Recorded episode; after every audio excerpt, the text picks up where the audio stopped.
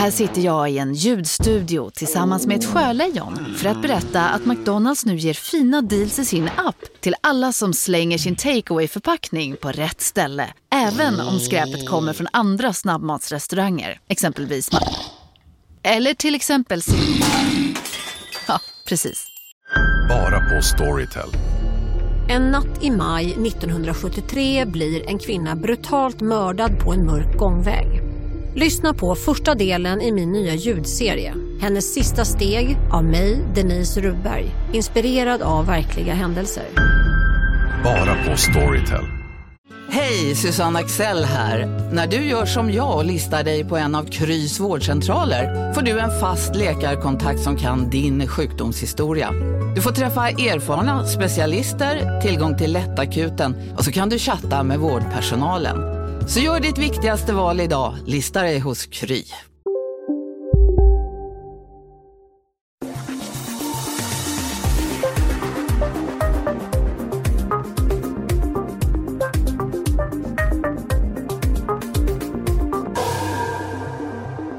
I oktober 1991 hittas en taxibil övergiven på en parkering i Täby.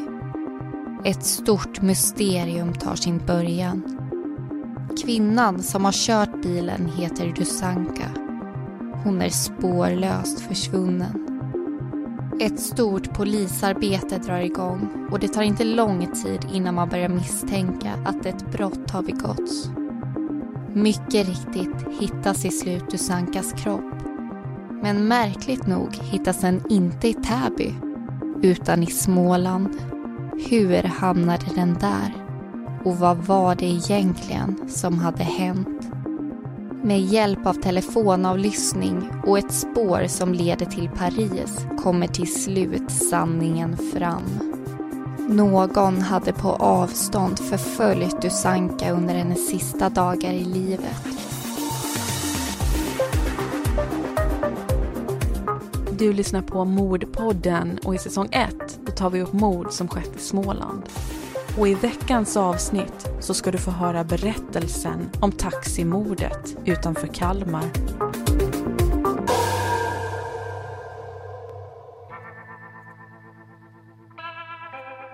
Året är 1991 och vid ett matsalsbord i Stockholm sitter Dusanka tillsammans med sin sambo Daniel och äter smörgåsar och dricker kaffe.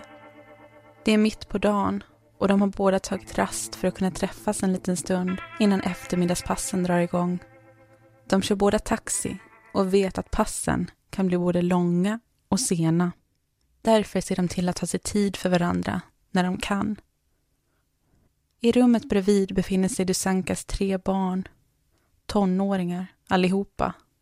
De är Dusankas allt och hon skulle göra precis vad som helst för dem. De är också en påminnelse om Rickard, Dusankas exmake och barnens pappa. Kanske var Dusanka och Rickard lyckliga en gång i tiden, men hon minns inte längre. Efter en utdragen skilsmässa finns det inget annat kvar än bitterheten emellan de två. Under en tid var paret till och med kända hos polisen då de hade gjort flera anmälningar emot varandra i så kallade tvistemål. De kunde inte komma överens om var barnen skulle bo eller hur ekonomin skulle delas upp och allting ledde till ett bråk som de inte kunde lösa på egen hand. Bland annat så ägde det före detta paret en bostad ihop i Vaxholm, ett hus. Och när det skulle delas upp så fanns det ingen lösning som passade exmaken Rickard. Han ville varken köpa loss Dusanka eller sälja sin egen del. Detta ledde till att Dusanka till slut gick till banken och fick ut ett lånebrev. Därefter slutade hon betala räntor och amorteringar på fastigheten till dess att lånen hade förfallit. Hon visste att resultatet skulle bli en aktion. Och det blev det också. Med lånebrevet i handen kunde hon för en gång skulle köpa loss fastigheten från Rickard. Och problemet var löst.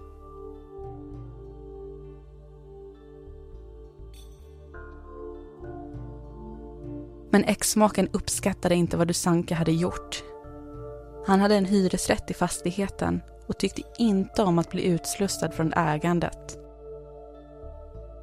Vid matsalsbordet i Stockholm, långt efter skilsmässans slut, får Dusanka reda på att Rickard har ringt till barnen när de har varit ensamma hemma. Hon blir arg. Både hon och Rickard vet att de inte vill prata med sin pappa. Och när smörgåsarna är uppätna och kaffet uppdrucket så får sambon Daniel en körning. Han säger hej då och smiter ut genom dörren samtidigt som Dusanka sätter telefonluren mot örat och slår in Rickards nummer. Hjärtat bultar hårt i Dusankas bröst när hon väntar på att exmaken ska svara. Hon är nu både arg och upprörd över hans beteende. Han borde ju veta bättre. När hon hör hans röst i andra änden så säger hon precis vad hon tycker och tänker. Men innan Rickard får en chans att försvara sig så piper Dusankas personsökare och hon slänger på luren i örat på honom. Iklädd sina arbetskläder bestående av ett par blå byxor, en vit skjorta, blå tröja och en blåvit sjal runt halsen så säger hon hej då till sina tre barn och går ner till garaget. Klockan är nu strax efter tre på eftermiddagen och Dusanka hoppar in i den gröna taxibilen. Det hon inte vet är att det är någon som iakttar henne. Någon som har förföljt henne i flera dagar nu och som vet hennes alla rutiner. Hon vet heller inte att det är sista gången hon kommer lämna den bostad hon kallar för sitt hem. Den sista gången hon kysser sin sambo hej då. Och den sista gången som hon ser sina barn. Vid halv sex-tiden hoppar en affärsman in i Dusankas taxi. Han får skjuts till ett hotell där han ska träffa sitt sällskap. Och när de stannar vid trottoaren betalar han för sig och går in i hotellobbyn. Efter en stund tittar han ut över gatan. Han ser att taxin står kvar utanför hotellet och undrar förbryllat om han har glömt kvar någonting i bilen. Han kollar igenom fickorna och rycker på axlarna. Ingenting verkar saknas. Hans sällskap anländer och när han vänder sig om igen så är Dusanka och taxin borta. Bredvid Dusanka i taxin sitter nu en ung man som stod och väntade på trottoaren utanför hotellet. Det hon inte vet är att det är samma person som har bevakat hennes alla steg de senaste dagarna.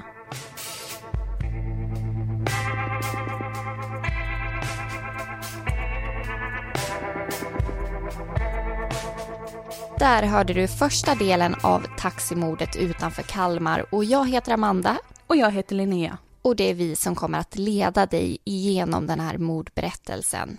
Och som vanligt så pausar vi lite grann i berättelsen och hoppar in i studion där vi ska gå lite djupare kring det här fallet helt enkelt. Och det här är ju lite speciellt jämfört med våra andra fall vi tagit upp i tidigare poddavsnitt. Mm. För det här är ju faktiskt från 1991 Ja, det här fallet är ju faktiskt nästan 25 år gammalt, mm. så det har ju verkligen gått en lång tid sedan det hände. Men det är ju ändå ett sånt väldigt omdiskuterat fall även idag, och det är därför vi har med det, för att vi tycker det fortfarande är så pass intressant. Ja, för jag var ju inte ens född när det här skedde, så det är ju såklart ingenting jag kommer ihåg. Mm. Men vi har ju ändå hört talas om det här och det är ju för att det är väldigt stort och omtalat här i Småland. Mm. Vilket kanske kan tyckas vara lite märkligt, för det sker ju faktiskt inte här. Nej. utan i Stockholmstrakterna. Men vi har ju faktiskt valt att ha med det här för att vi tycker att det är verkligen en Smålandsvinkel på det och det kommer ni få höra ju mer ni lyssnar på det också. Men det är ju först och främst att det här fallet faktiskt reser genom hela Sverige och avslutas här i Småland utanför Kalmar. Och det är därför det blev så uppmärksammat just här. Mm. Men det i berättelsen som jag skulle vilja diskutera, det eller jag kommer tänka lite på det här med att åka taxi. Mm kan jag tycka är lite obehagligt på ett sätt eh, när man ska sätta sig där i själv som kund.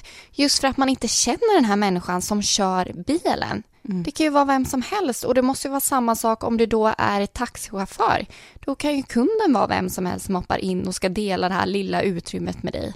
Ja, det är en jätteutsatt position och jag tänker om vi tittar tillbaka till 1991, hade man den säkerheten och de kollarna som man har, har idag. Hade man liksom GPS i bilarna, hade man koll på var alla befann sig? Mm.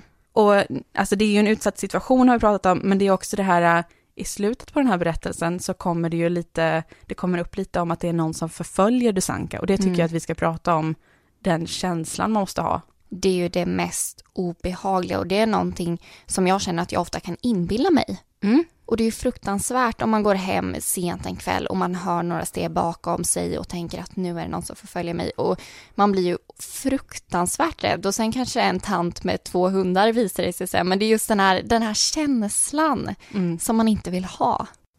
Och jag tror att vi får inte glömma heller att för många människor är det här inte bara en känsla, utan det är faktiskt en verklighet som de Mm. lever i. Precis. Och det är ju faktiskt så att om någon följer efter en på riktigt så får den inblick i saker som man inte har tänkt att visa överhuvudtaget. Nej. Och det är en stor skillnad mellan känsla och verklighet och det är ju ingenting vi vet hur det känns för det har ju vi tack och lov inte varit med om. Nej. Men eh, nu tycker jag att, eh, eller jag har massa frågor nu, för vad Ja, med. händer? Liksom, vem är det som sätter sig bredvid Dusanka i taxin och vad är det som kommer att hända härnäst? Nu ska du få lyssna på det.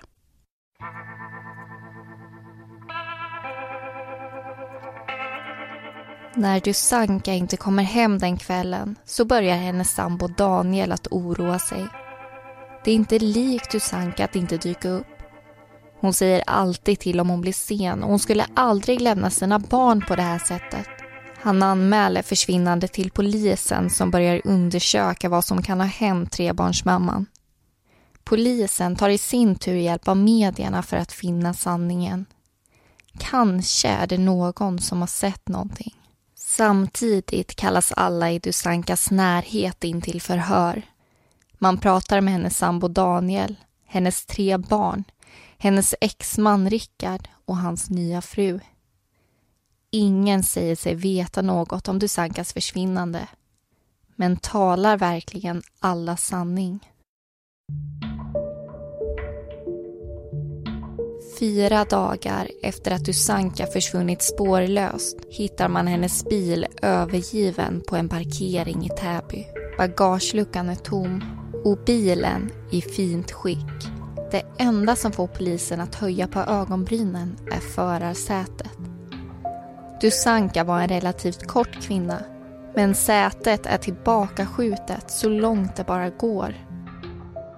Genom taxametern lyckas polisen kartlägga delar av Dusankas kväll. De tittar främst på hennes två sista körningar. Affärsmannen som fick skjuts till sitt hotell berättar om sina iakttagelser. Och polisen grubblar länge och väl på trottoarkunden som Dusanka plockade upp därefter. Vem var det? Och visste personen någonting om Dusankas försvinnande? När den försvunna kvinnan inte dyker upp blir polisen mer och mer säker på att ett brott har begåtts. Och hårdgranskningen av de misstänkta börjar omedelbart. Först på tur är sambon Daniel. Konton, kreditkort och bensinkort granskas för att få fram klockslag och platser som Daniel befunnit sig på. Samtidigt tittar man på överföringar av pengar och andra kontohändelser. Men ingenting är speciellt anmärkningsvärt och det står snart klart att Daniel inte kan ha haft något med Dusankas försvinnande att göra. Fokuset skiftar därmed till exmaken Rickard. Han har i tidigare förhör uppgett ett alibi. Rickard och hans nya fru hade varit på besök hos ett par under kvällen när Dusanka försvann. Något som kunde intygas av alla närvarande. Han kunde till och med minnas delar av nyhetssändningen som varit den kvällen. Men polisen bestämmer sig ändå för att göra samma grundliga undersökning även här. Exmakens ekonomi gås igenom med förstoringsglas. Finns det någonting där som hör till det ovanliga? Även Rickards samtalslistor granskas. Och nu börjar varningsklockor ringa. Det visar sig att han äger en företagsmobil och ett nummer återkommer gång på gång. Och märkligt nog leder det till Paris. Och inte nog med det. Rickard har också hyrt en mobil från en bensinstation och flera av samtalen från hans företagsmobil och hemtelefon går till just den hyrmobilen. Och såvida han inte har pratat med sig själv så blir nästa fråga uppenbar. Vem hade han gett hyrmobilen till? Och varför? Polisen tar kontakt med Televerket och gör då ytterligare en upptäckt. Personen som har använt hyrmobilen har vid flera tillfällen och under långa tidsperioder befunnit sig utanför Dusankas bostad. Det blir nu uppenbart att någon har bevakat Dusanka under dagar, kanske till och med veckor. Och att denne någon hade befunnit sig där stora delar av den söndagen då hon försvann. Men vem var då personen utanför Dusankas lägenhet? Och vad var hans eller hennes koppling till exmaken? Polisens frågor blir plötsligt många. Samtidigt som samtalslistorna avslöjar att Rickard haft kontakt med någon som förföljt Dusanka så faller hans tidigare alibi isär. Det visar sig att han inte alls har befunnit sig hos paret så länge som han påstått. Nu finns det inte längre några säkra uppgifter kring var Rickard befann sig söndagen den 27 oktober när Dusanka försvann. Men trots att allt pekar på att exmaken vet mer än han säger så finns det inga direkta bevis som kan knyta Rickard till försvinnandet.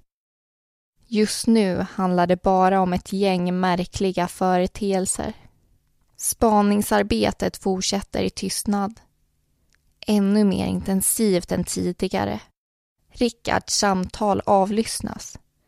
Och snart får man napp. Exmaken uppmanas ringa till en person i Paris snarast. När samtalet klickar igång hör polisen hur personen som pratar med Rickard kräver honom på pengar. 300 000 kronor närmare bestämt för en tjänst som utförts. Hyrmobilens samtalslistor hårdgranskas igen och det kommer äntligen fram vem den mystiske mannen i Paris är. Han heter Mårten. Men det verkar inte som att det bara är Mårten och Rickard som gjort affärer. Två till namn dyker upp, Niklas och Nils. Och det finns en koppling mellan de tre unga männen som Dusankas exman haft kontakt med. De är alla från Kalmartrakten. När inga pengar kommer så fortsätter Mårten att ringa till Rickard. Han vill ha sina pengar för tjänsten han har utfört. Och det nu. Hans ton blir med tiden allt vassare och på nyårsdagen, mer än två månader efter Dusankas försvinnande, så kräver han en delbetalning. Annars skulle något otäckt hända Rickards barn. Två dagar senare, den 3 januari 1992, ska de ses i Norrköping och Rickard ska ta med sig 60 000 kronor i kontanter.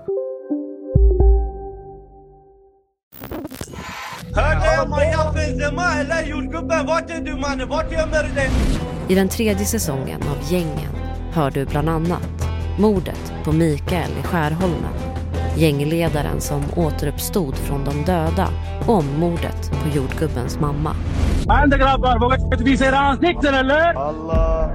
Lyssna på Gängen på Podmi. Signa upp dig på podmi.com. Första 14 dagarna är gratis. Det är säkert att flyga, men ibland händer det som inte får hända. Som när ett plan vägrar att lyda sina piloter och störtar mot marken. När ett videoband fångar en pilots sista sekunder i livet. Lyssna på Flygkatastrofer säsong 3, bara på Podmi. Prova Podmi Premium kostnadsfritt i 14 dagar. Skapa ditt konto på podmi.com. Om en yogamatta är på väg till dig, som gör att du för första gången hittar ditt inre lugn och gör dig befordrad på jobbet men du tackar nej för du drivs inte längre av prestation. Då finns det flera smarta sätt att beställa hem din yogamatta på. Som till våra paketboxar till exempel. Hälsningar Postnord. Polisen lyssnar med spända öron och inser att det är deras chans att ta fast Rickard och de unga killarna. Den 3 januari ställer polisen upp bilar längs sträckan mellan Rickards hem och mötesplatsen i Norrköping. De skuggar honom hela vägen och ser hur han parkerar 100 meter ifrån järnvägsstationen. Ex-maken går ur bilen och promenerar in i stationsbyggnaden. När dörrarna öppnas nästa gång så är Rickard inte längre ensam. Han har nu två unga killar i följeslag, närmare bestämt Mårten och Niklas. De sätter sig i Rickards bil och kör iväg mot ett industriområde. När de har parkerat sträcker Rickard över ett brunt kuvert till Mårten som sitter i passagerarsätet. Nu är det dags för polisen att slå till. Männen grips och det bruna kuvertet öppnas. Och mycket riktigt ligger det 60 000 kronor där i. Det tar inte lång tid innan polisen även får tag i den tredje misstänkta, Nils. Men ingen av dem säger någonting. De unga männen uppger att de känner varandra. De nekar inte heller att de tog emot ett brev med 60 000 kronor i. Men mer än så får polisen inte veta. Och när alla fyra männen står utrustade med skickliga advokater smyger sig oron på. Skulle familjen någonsin få reda på vad som egentligen hade hänt deras sambo och mamma? Men under den första häktningsförhandlingen kommer också det första genombrottet. Det är ex-maken Rickard som berättar hur han anställt Nils för att övervaka Dusanka. Han ville veta vad hon höll på med och var hon befann sig. Strax därpå utökade skaran med två killar som Nils kände. Mårten och Niklas. De tre fick en hyrbil till sitt förfogande och den hyrmobil som senare skulle komma att avslöja deras affärer. För drygt tre månader sedan satt de fyra männen i den fastighet som Rickard och Dusanka tvistat om. Höstvinden utanför fönstret ylade besvärat samtidigt som männen tillsammans planerade det jobb som skulle utföras. Och mindre än en månad senare så är det gjort. Rickard berättar för polisen att Tusanka inte är försvunnen och att hon aldrig kommer se sina barn igen. Hans exfru är död och kroppen den ligger nedgrävd någonstans i de småländska skogarna. Men var? Det vet han inte.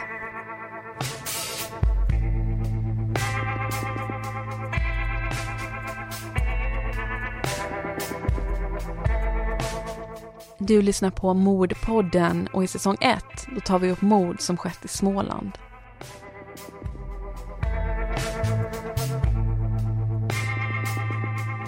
Där hörde du andra delen av taximordet utanför Kalmar. Och när nu den här exmaken har börjat berätta vad som faktiskt har hänt och de här unga männen har häktats så slår det ju faktiskt ner som en bomb i Kalmartrakterna. Mm. Ja, nu börjar ju folk verkligen undra vad fasiken har gått fel för att tre unga killar ska vara involverade eller tros vara involverade i något sånt här riktigt, riktigt hemskt som har hänt. Och vi har ju läst att deras kompisar är i chock. För det här var ju tre killar som kom från ordnade och trygga familjeförhållanden. Hade liksom på pappret inte gjort en fluga för när. Nej. Och sen så blir de häktade. Det är klart man blir förvånad. Ja, jag tror många ställer sig frågan varför hände det? Vad gick fel? Och samtidigt kan man inte hitta det, eller man har inte hittat det hittills. Nej, för det har ju blivit en väldigt stor diskussion efteråt. Mm. Att var det spänningen de sökte eller var det pengar eller vad, vad beror det här på att man kan locka tre killar in i, en, i ett sånt här virvar? Vi får inte glömma att de här killarna faktiskt inte är ensamma om att hamna i den här situationen, för vi har ju faktiskt läst en artikel som Expressen skrev för några år sedan, mm. där man tar upp det här med att leja mördare eller manipulera sig till att någon annan tar hand om ens egna problem. Och vi har ju till exempel ett exempel där en 43-årig tvåbarnsmamma eh, vill ha sin exman ur, eh, ur bilden, hyr en torped och säger att det är väldigt enkelt att knuffa honom framför tåget, antingen på morgonen eller när han åker hem. Så jag förstår inte det här, eftersom att de har varit gifta måste ju hon någon gång verkligen ha tyckt om den här människan. Mm. Hur kan det gå så fel? Jag vet inte. Jag förstår inte hur det kan gå så långt att man inte kan lösa det på något sätt. Något annat Ja, sätt. något annat sätt. Och ett fall som jag automatiskt tänker på inom eh, det här ämnet, det är ju det här Therese Rojo. Mm. En, jag tror hon var 16 år gammal, där hon blev mördad av en klasskompis. Mm. Och den här killen som mördade henne, som var i samma ålder, blev manipulerad av sin flickvän. Mm. Och de är liksom 16 år. Och att hon fick honom att begå en sån här sak, för det var väldigt mycket, ja men sms där det var så här, jag tror inte att du vågar och om hon inte är borta imorgon kommer jag göra slut. Alltså hot-sms på det sättet. Mm. Som slutar med att en 16-årig flicka, ja, blir mördad helt enkelt. Nu ska jag vara lite elak i det här, men är det inte lite så att kvinnor kan vara lite manipulativa ibland när det kommer fram sånt här? Alltså, när vi tittar på den här listan, det är mycket kvinnor med som Mm. har lyckats få någon annan att mörda åt sig. Jag säger inte att de är värre, men jag säger att det här verkar vara en metod som används mycket av dem. Men jag tror absolut att män också kan vara manipulativa. Men om vi går tillbaka till en annan grej, för nu blir jag så här, jag vill inte missa att vi tar upp det här med spaningsarbetet som faktiskt händer i det här mordet. Det är intressant. Ja, för det är 1991 och vi pratar ju lite om det här med hyrtelefon eller hyrmobil. Och vi, det vi inte får glömma det är att 1991 så är det väldigt ovanligt att ha en egen mobil. Och därför kan man alltså hyra på till exempel en bensinstation. Och det här fallet, i och med att mobilerna används, blir ju också ett av de första fallen i Sverige där man faktiskt använder sånt här spaningsarbete och avlyssning av mobiler för att komma till en slutsats. Och utan det arbetet hade ju förmodligen inte det här fallet blivit löst. Nej, För det är ju den här sant. lilla tråden som liksom blir det stora avgörandet. Ja. Men nu känner jag att vi måste höra slutet på det här. Mm. För det är så att Dusankas exman har ju precis berättat att Dusanka faktiskt är död. Men nu vill vi veta vad var det egentligen som hade hänt. 15 dagar in på det nya året kommer nästa vändpunkt i utredningen. Nils väljer att erkänna. Även han säger sig nu veta att Dusanka är död. Men enligt honom så är det Rickard som har gjort det. Han och Niklas har bara hjälpt till att röja undan spåren. Han berättar också att han vet var kroppen finns. På Mårtens mark mellan Nybro och Högsby. Dagen därpå kör polisen ut till den grav där Dusanka har gömts undan. Och vid 13.30-tiden så finner man den saknade trebarnsmammans kropp. Hon ligger i fosterställning i en lerig grav som är fylld med vatten. Hennes händer och fötter är bundna med rep och hennes ansikte är invirat i silvertejp. När obduktionen inleds så kan man konstatera att kläderna är i sin ordning. De blå byxorna, den vita skjortan och den blå tröjan sitter där de ska. Men bredvid den blåvita sjalen finns ett rep virat runt Dusankas hals. Ett rep med knutar i båda ändarna. Dusanka har kraftiga skador i halsen och repet skulle snart visa sig vara mordvapnet. I förhören får polisen snart en tydlig bild av det som har hänt. Rickard har inte själv mördat sin före detta fru. Men han har beställt mordet. Bland de tre unga killarna så är det Mårten som har den ledande rollen. Han har vid flera tillfällen fört talan för både Nils och Niklas som i sin tur utförde mordet på Dusanka. Där har Mårten lyckats hålla sig undan. Men hur gick allting egentligen till den där söndagen i oktober när Dusanka försvann? Det var Niklas och Nils som hade stått för övervakningen av Dusanka. I dagar hade de förföljt henne och rapporterat sina upptäckter till exmaken Rickard. De väntade. Snart skulle det bli dags för det verkliga jobbet.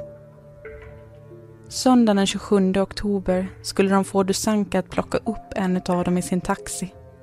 Sen skulle de beställa en körning ut till den då övergivna båtklubben utanför Vaxholm. Väl där skulle de invänta Rickard. Han skulle själv avsluta sin exfrus liv. Men ingenting gick som det var tänkt. Niklas var trottoarkunden som polisen hade letat efter så länge. Den där kvällen så vinkar han till sig taxin med Dusanka i strax utanför hotellet där hon precis har släppt av affärsmannen. Niklas ljuger ihop att han behöver skjuts till båtklubben eftersom hans egen bil har gått sönder och nu står på parkeringen där. I själva verket skulle de mötas av Nils och den hyrbil som männen använt sig av. Nils hade kört dit i förväg och under tiden hade han ringt både Rickard och Mårten för att de skulle veta att alla kuggar nu var i rörelse. Nu var det bara att vänta in Rickard. Men exmaken dyker inte upp och snart anser de unga männen att de måste ta saken i egna händer.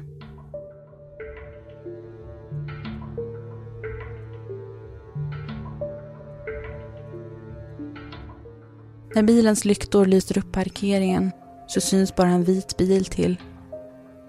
Dusanka parkerar taxin och stänger av motorn. Jag ska bara gå och hämta en sak. Du kan väl vänta under tiden? Säger Niklas och går iväg. Och medan den unge mannen är borta så kliver Dusanka ur bilen och ställer sig vid bagageluckan.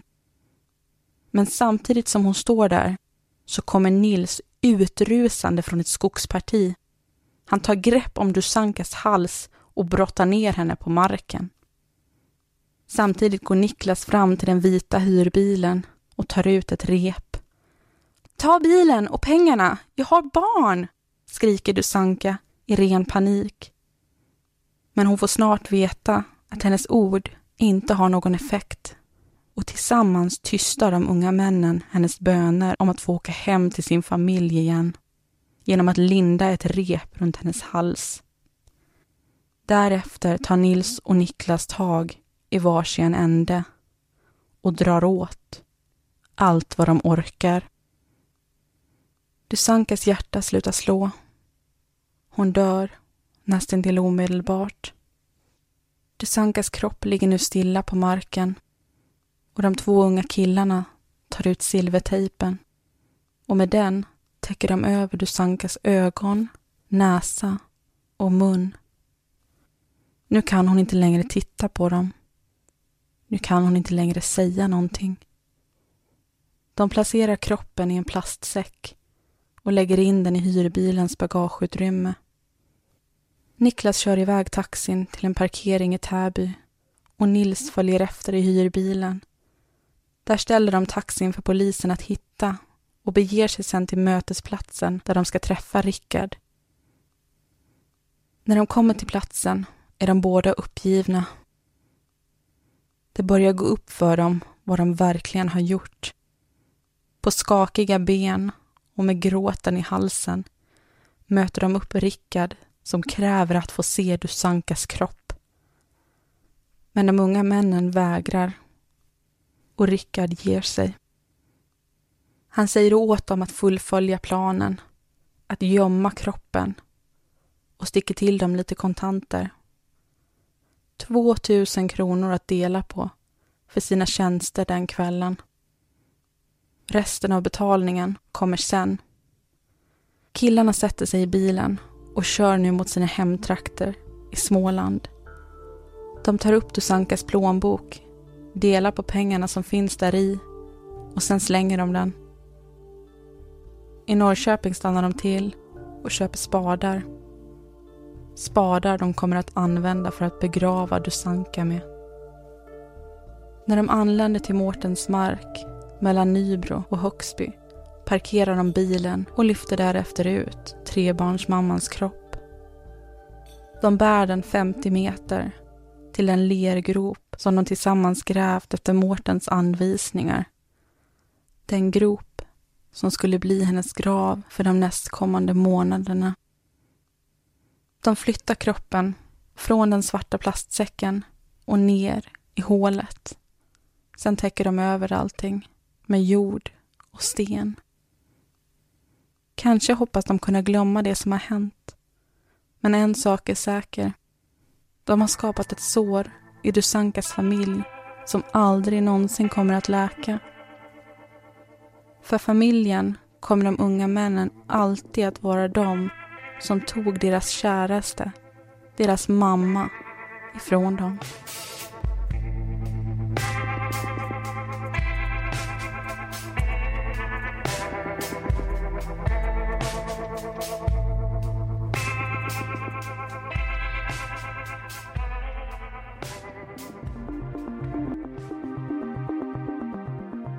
I tingsrätten dömdes exmaken Rickard till tio års fängelse. Niklas och Nils dömdes till åtta års fängelse. Och Mårten dömdes för medhjälp till mord och fick sex års fängelse.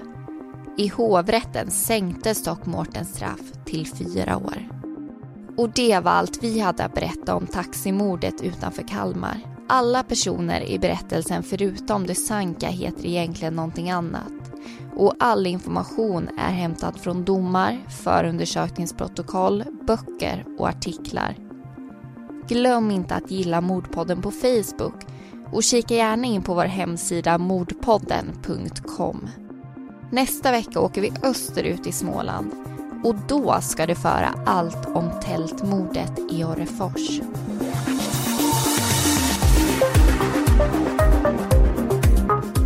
Du har lyssnat på Mordpodden och vi som har gjort den heter Linnea Bolin och Amanda Karlsson. Bakgrundsmusiken den är gjord av Kevin MacLeod och heter Lasting Hope och Lightless Dawn.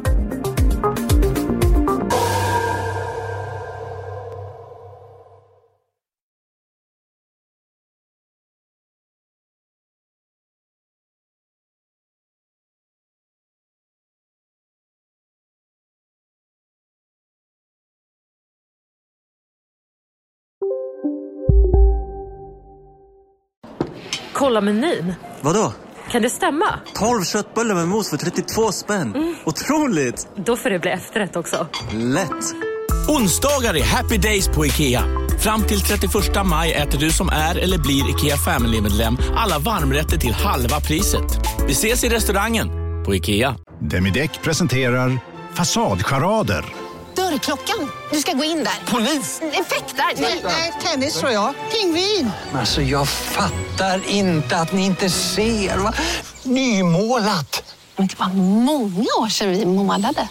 Demideckare målar gärna, men inte så ofta. Dagens vinnarprognos från Postkodlotteriet. Postnummer 65209, klart till halvklart och chans till vinst. 41101, avtagande dimma med vinstmöjlighet i sikte. Övriga 10 500 postnummer soligt och möjlighet att vinna. Oavsett när sommaren kommer till dig så kan du och dina grannar få dela på 48 miljoner i sommaryran. Ta chansen nu i maj på Postkodlotteriet.se. Åldersgräns 18 år. Kontakta stödlinjen om du eller någon anhörig spelar för mycket.